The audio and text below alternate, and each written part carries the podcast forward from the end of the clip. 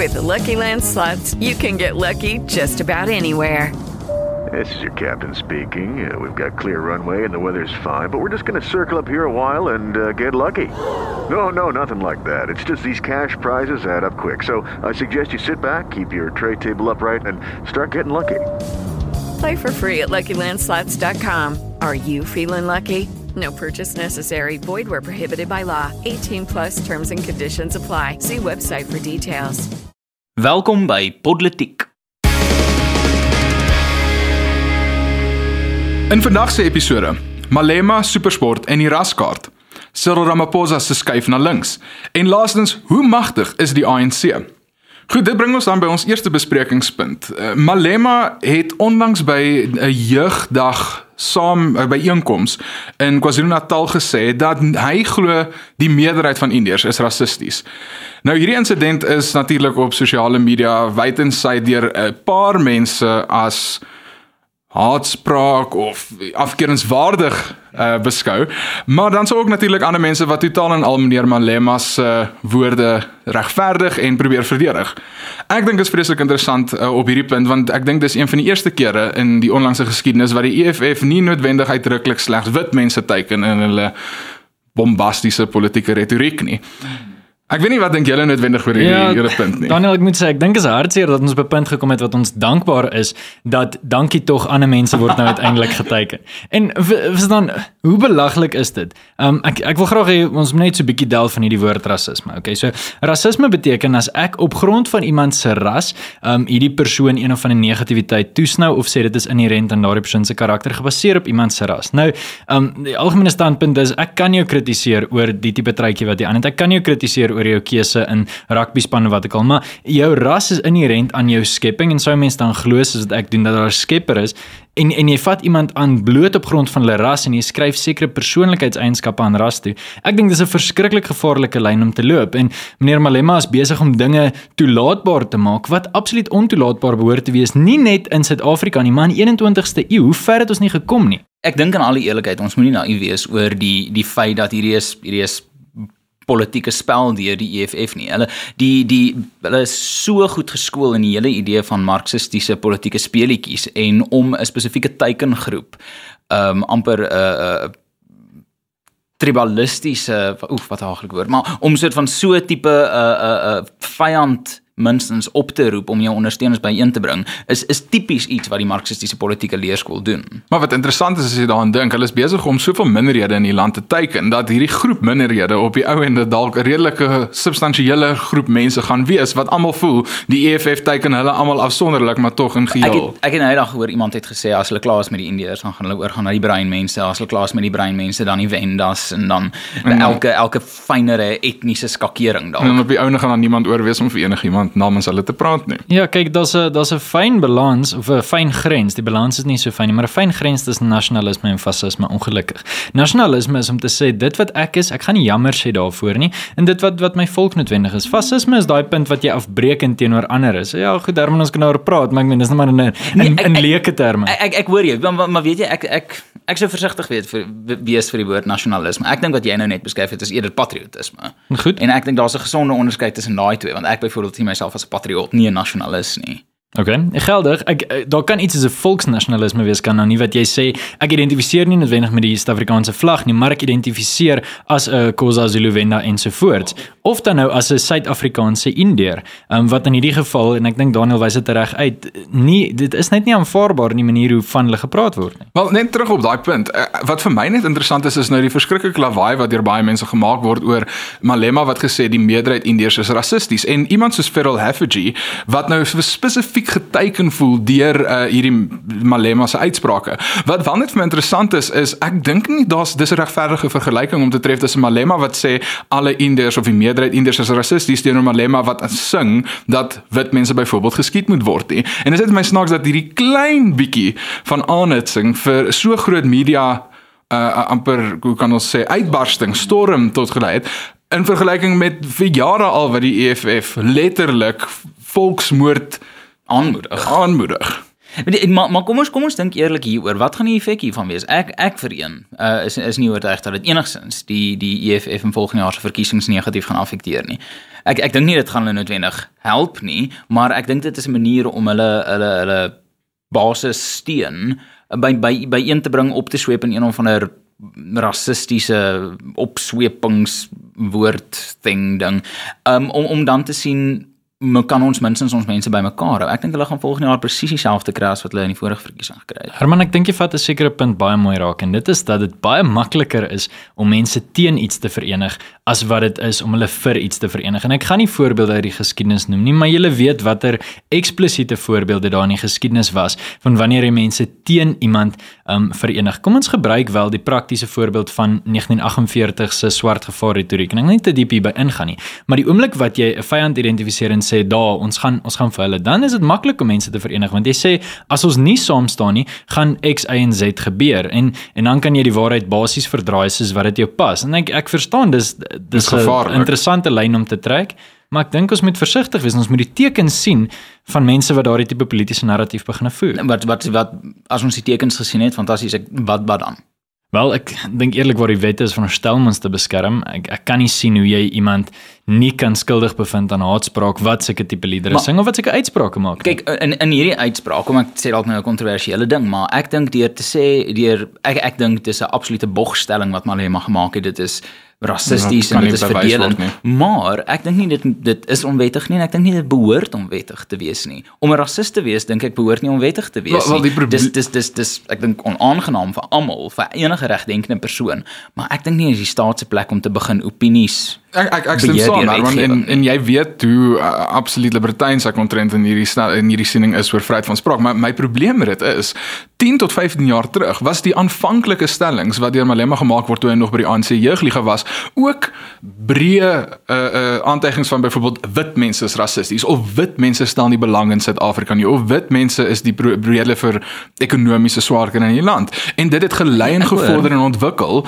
tot die retoriek wat ons vandag sien wat regtig eintlik besonder gevaarlik Maar, is. maar op op watter punt? Op watter punt sou jy dan staatlike beskerming oproep vir die slagoffergroep van so 'n Malema tipe uitspraak?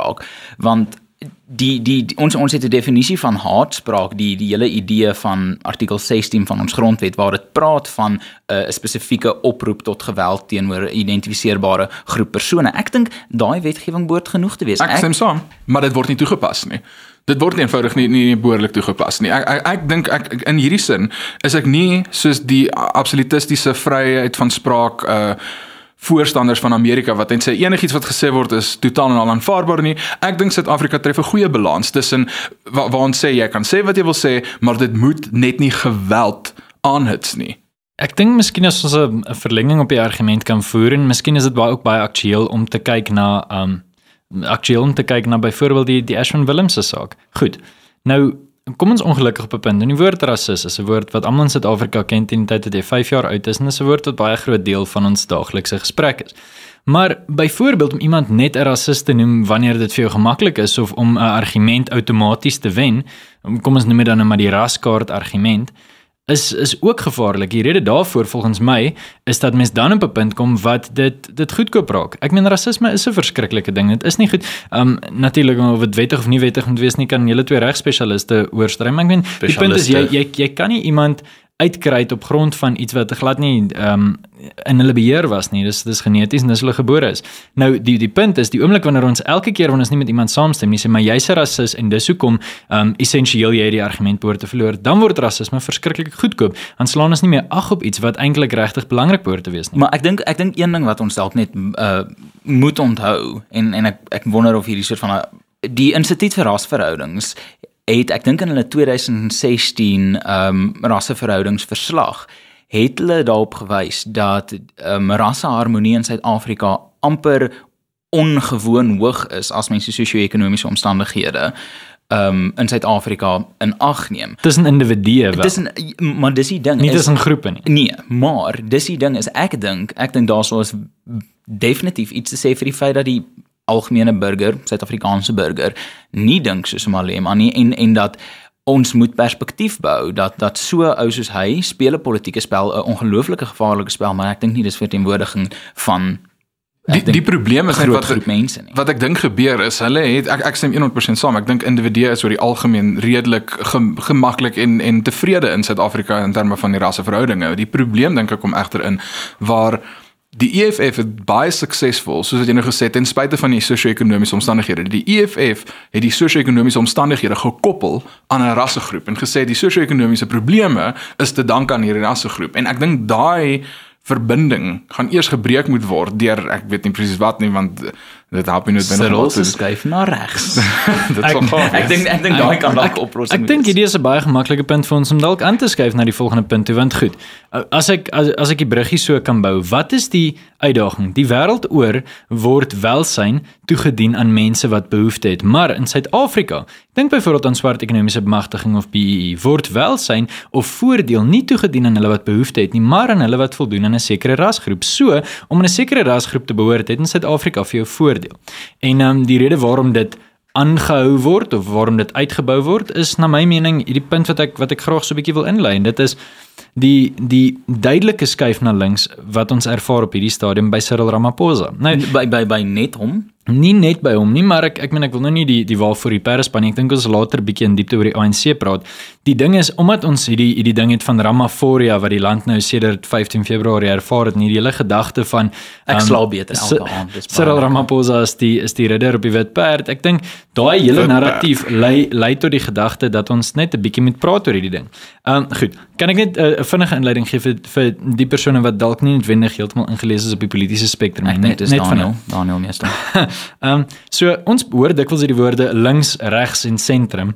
Uh, nou ver links of uh, die die Franse woord daarvoor is extreme gauche. Dit beteken letterlik net ver links. Hierdie is tipies mense wat wat 'n uh, sosialistiese party is, trotskieiste, maoïste, mense wat glo in 'n 'n sterk sentrale regering wat voel daar behoort eintlik baie inmenging te wees van die staat omdat hierdie staat so sterk regering is en hulpbronne toedeel en ons eintlik maar in 'n in 'n absoluut kommunistiese staat wat natuurlik ver links is, is daar een besluitnemer en daai besluitnemer voer besluite oor die res. Ek moet net vir jou sê jou jou jou verduidelikings ek dink baie akkuraat maar jou ideologiese onderrok wys want die feit dat jy die woord inmenging gebruik plaas jy al reeds onmiddellik op die spektrum waar Ek- waaroor jy praat. Ek ek vra om verskoning maar ek erken daardie onderrok uitdaging.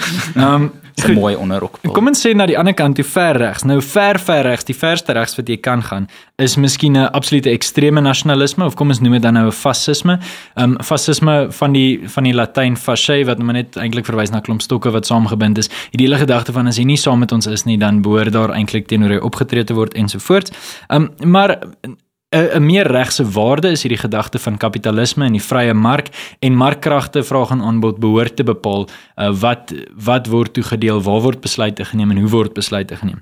En dan op die sentrum van die skaal sal ons mense hê wat miskien meer pragmaties is en nie noodwendig so ideologies nie. So dis nou baie breë inleiding en ek weet julle ouens is baie ingelees by politiek. So dis nou maar 'n 'n leuke verduideliking. Om dit nou 'n interessante vraag net net uit die waar dink jy val die Suid-Afrikaanse bevolking in Hebreë? Ja, ek dink dis 'n baie interessante vraag. Goed, as ons kyk na byvoorbeeld die ANC, dan is hulle tradisioneel sentrum links en ek dink ek wil vinnig verduidelik dat hulle nie meer is nie. Maar ek dink die mense essensieel is nie sentrum links nie. Ek dink ons het sentrum links geword omdat die, Die mense, ANC die die burger. die die burgers. Ek dink die ANC het in die 70s ondersteuning gesoek en hulle het dit gekry van sosialistiese groepe af. En dit het toe die die narratief geword wat ons voer. Dit het die opleiding geword wat byvoorbeeld Steve Biko ontvang het. So ek ek dink mense is geneig om meer konservatief te wees in Suid-Afrika deur die spektrum, deur die bank, indiër, swart, blank. Um as as miskien wat die wêreld norm is. Wat is die redes daarvoor? Ons kan nou oor praat, maar ek dink die gemiddelde burger is sentrum regs, maar ek dink die politiek is sentrum links. Dis 'n opinie, ek kan heeltemal verkeerd wees. ek ek sou graag daarby daarby wil aansluit. Dit te sê dat ek ek dink ek stem 100% saam met wel jou jou ontleding dat Suid-Afrikaners oor die algemeen konservatief is en ek dink dit gaan oor rassegrense. Maar ek sou dit beperk tot redelike sosiale aspekte. Ek dink dit gaan oor die rol van die familie, die rol van gemeenskap dink ek is die meerderheid Suid-Afrikaners hier op dieselfde bladsy. Ek dink egter die probleem is dat 'n groot deel van Suid-Afrikaners is links en en hier sluit ek dis dalk noodwendig bietjie kontroversieel, maar ek dink Afrikaners oor die algemeen ook.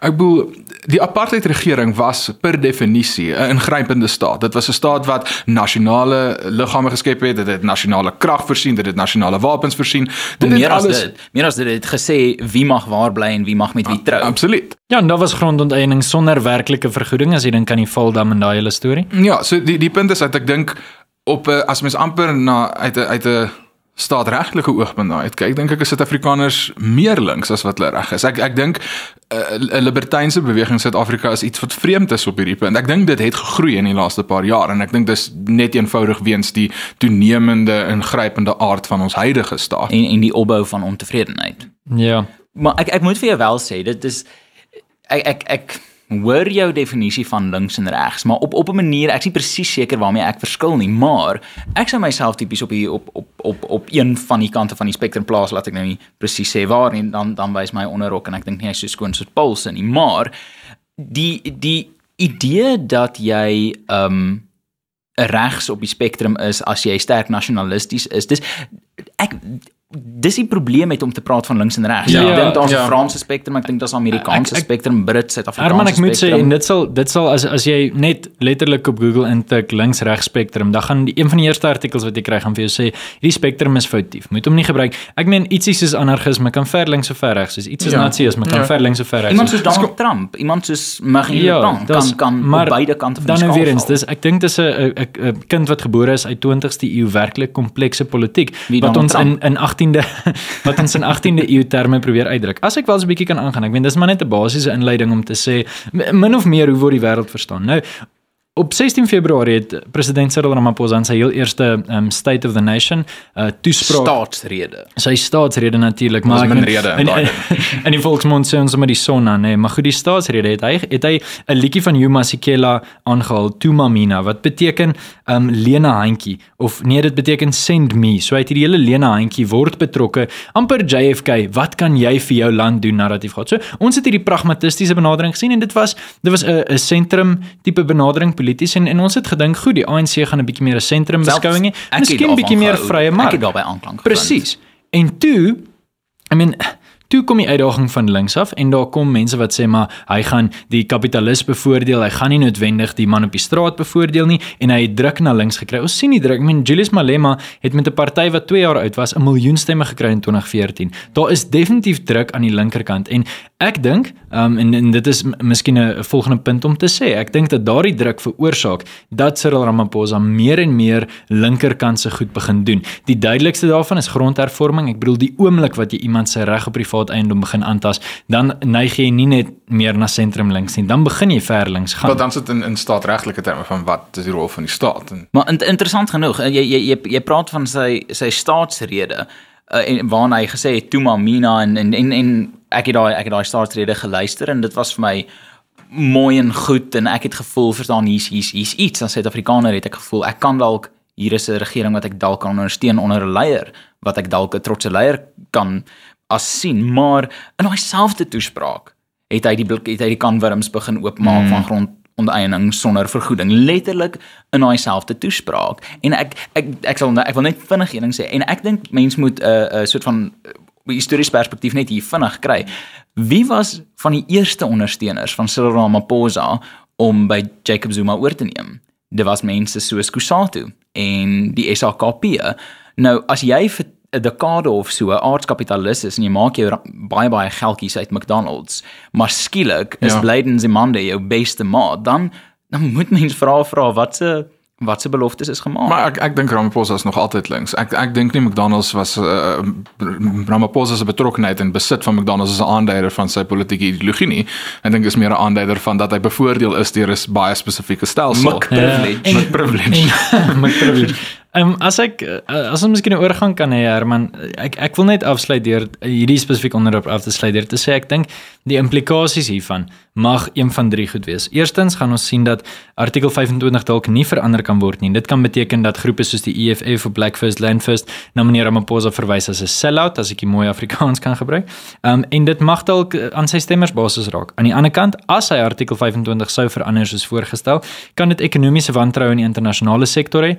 En die derde opsie wat ek dink waarskynlik is en is nou leuke opinie, maar ek vermoed hy gaan dalk vir die kantlyn skop en vir 'n herëvaluasie vra ensovoorts en na 27 April 2019 sal ons 'n wesenlike skuif na 'n kant toe sien. Ek weet nie of dit noodwendig op hierdie stadium uit uh, opinie. Ek dink nie hy gaan noodwendig um 'n besluit maak nie. Weet jy die die die moeilike ding is en dit bring dit nou mooi by by die by die kwessie wat ek vandag wil aanspreek oor die hoe sterk is die hoe magtig is die ANC werklik want tot 'n groot mate hang dit af van hoe magtig is Cyril Ramaphosa. En en ons moet onthou dat hy het met ek dink minder as 200 stemme of in die omgewing van 200 stemme die presidentskap gewen by Nasrek.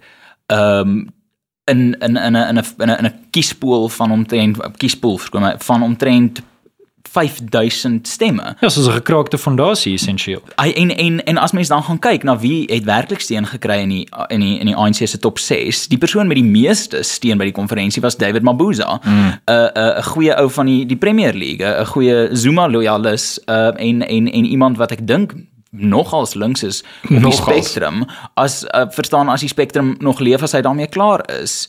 Die dan net mense ook iemand soos Ace Magashule. Die die ding is Ramaphosa se posisie is ongelooflik swak. Hy is ek dink iemand het een keer ek kan nie onthou van wie hulle dit gesê het nie, maar hy's in office, maar hy's nie in power nie.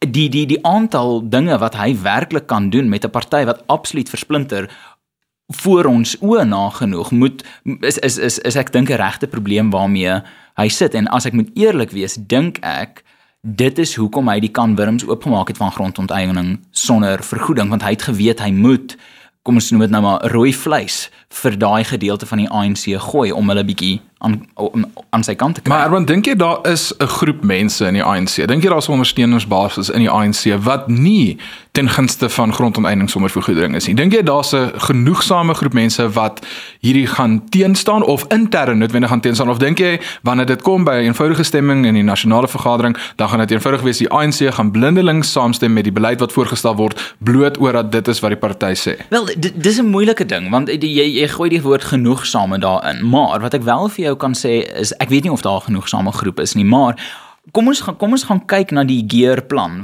van uh die die Mandela presidentskap. Kom ons gaan kyk na die ekonomiese beleid, hoe dit was van 1994 tot 2007. Ironies genoeg die Polokwane konferensie waar ons die radverandering van Bekkie na Zuma gehad het. En dan in daai eerste kom wat wat 13 jaar van die demokrasie sien ons 'n uh, 'n ekonomies regse staat, iemand wat glo in vrye markte. Ek onthou Zapiro het in die laat 90's 'n spotprent gemaak van moontlik vroeg 2000s van Trevor Manuel waar hy Margaret Thatcher se handsakkie en Margaret Thatcher se haarstyl het, want hulle het net gevoel die goeie ou dae.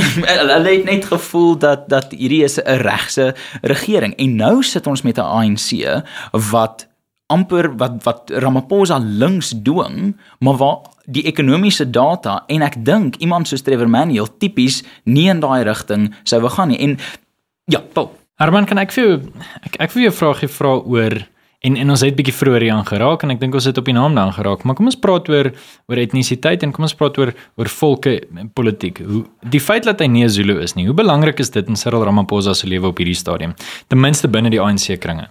Ek sou sê dit is dis dis 'n swakpunt. Ek dink dit is 'n swakpunt. Die ANC is 'n is het 'n baie sterk etniese identiteit en ek dink nie dis 'n goeie of 'n slegte ding nie, dis net 'n feit. Maar ek dink nie dit is sy grootste probleem waarmee hy sit nie. Ek dink op op die skaal van Ramaphosa probleme is dit een van die kleiner is want daar is groter kwessies. Nou nou dag toe ek petrol ingooi en die petrolprys was so ongelooflik hoog, toe vra ek vir die petroljog nou hoekom hoekom is die petrolprys so hoog en toe sy reaksie was how I don't know what that vendor is doing. So ek dink natuurlik daarso is 'n skeidslyn etnies in die ANC en maar maar om eerlik te wees, ek dink dit is soos 'n 'n 'n nano krakie wanneer jou femur versplinter is um in in vergelyking met die met die met die strukturele kwessies wat die ANC tans mee stry. As mens gaan kyk na die Oos-Kaap, Vrystaat, KwaZulu-Natal, uh Noordwes. As mens gaan kyk na Sibusiso Radebe, die die parlementslid wat wat wat sit gister eergister doodgeskiet is en ek moet net hier namens politiek sê dat geen nie om waar jy op die politieke spektrum val nie dat dat dat iemand uh, dat 'n parlementslid doodgeskiet is is 'n ongelooflike tragedie en ek dink ons moet bid en hoop dat ehm um, daar troosting kom waar daar troosting moet wees maar ja, dit is sleg vir politiek oor die algemeen maak nie saak waar jy lê nie. Maar sleg vir wêreldpolitiek. hierdie is tekens dat Ramaphosa eenvoudig net nie beheer het nie eenvoudig nie beheer het nie. En ek, ek, ek daai beheer gaan nie sterker raak op op pad 2019 toe nie Wel, Arman net net 'n laaste vraag dalk en en sien dat ek dink hierdie potsending gaan 'n redelike paadjie stap in die opbou tot die 2019 verkiesing. Dink ek ek sou graag by jou wil hoor wat is jou opinie oor wat se impak gaan hierdie swak posisie van Ramaphosa hê voor 2019? Ek ek dink ons almal besef dis 'n aardige tyd om as president in te kom so kort 2 jaar voor 'n verkiesing, maar wat dink jy gaan dit behels vir ons hele land? Die ding is wat die die strukturele swakheid van die ANC is vir die verkiesingsveld tog van die ANC 'n enorme probleem. Dit is jou plaaslike strukture wat jou verkiesingsveld togte beman en bestuur en bedryf. Jy kan 'n wonderlike taktikus aan die hoof van jou verkiesingsveld tog hê en ek sê nie ons vorige minister van sport ou Fikile Malula is 'n uitstekende taktikus nie maar Mr. Fear niks. Ja, vir dit beteken nie niks, maar ehm um, die die ek, ek dis dis heel moontlik dat hy 'n briljante taktikus is, maar 'n verkiesingsveld tog word gewen op die grond. Hy word gewen op die beginsel van kan jy jou kiesers uitkry by die stembus. En as hierdie faksies die hele tyd beklei oor wie moet hulle lei, wie moet hulle regeer, waar mag hulle bestaan, mag hulle nie bestaan nie, die hele tyd vir howe vra bestaan ons, bestaan ons nie, het ons geldige leierskap. Dit ondermyn die vermoë van die plaaslike strukture om die verkiesingsveld tog vir die volgende jaar of so te beman. Maar was daardie eh, probleme nie al vir die afgelope 20 jaar saam met die ANC en ten spyte van daardie probleme het hulle nog steeds byna hulle tweederde meerderheid elke keer gekry? Ek dink dit word erger. Ek dink er, letterlik mens moet daarna kyk en ek dink Polokwane was 'n uh, waterskeidingsoomblik waar hulle hulle het hulle het uh, am, amper koningsmoord daarso gepleeg en en dit word erger want die faksies word al hoe meer gespanne oor die verlies van mag. Nou het ons dit gesien op munisipale vlak, dalk volgende jaar op provinsiale vlak. Nou ja, meneer, miskien van my kant af kan ek dit sê in uh, ons kan dalk 'n volgende onderwerp hê oor lojaliteit en die invloed wat lojaliteit in die ANC se magsbasis het. Ek dink dit sal vir my 'n laaste woord by die punt wees. Goed, uh, kom ons sluit dalk net 'n bietjie af. Ek sou graag by julle wil hoor, het julle enige gedagtes oor wat ons en die Suid-Afrikaanse publiek na kan kyk en bietjie op attent wees hierdie volgende 2 weke? Van my kant af dink ek 'n interessante ding wat almal definitief met fyn oë moet dophou is die eerste openbare vergaderings of konsultasies uh oor die wysiging van artikel 25 oor grondonteeneming uh gaan begin. Dit begin in die Noord-Kaap en 'n week daarna in Limpopo en dan in Mpumalanga. Net 'n punt van my kant af en dalk 'n klein bietjie kritiek teen hierdie hele proses. Is dis interessant genoeg dat al hierdie vergaderings gaan nie in enige een van die groot stede wees nie. Glad nie die metro's gaan glad nie gekonsulteer word nie.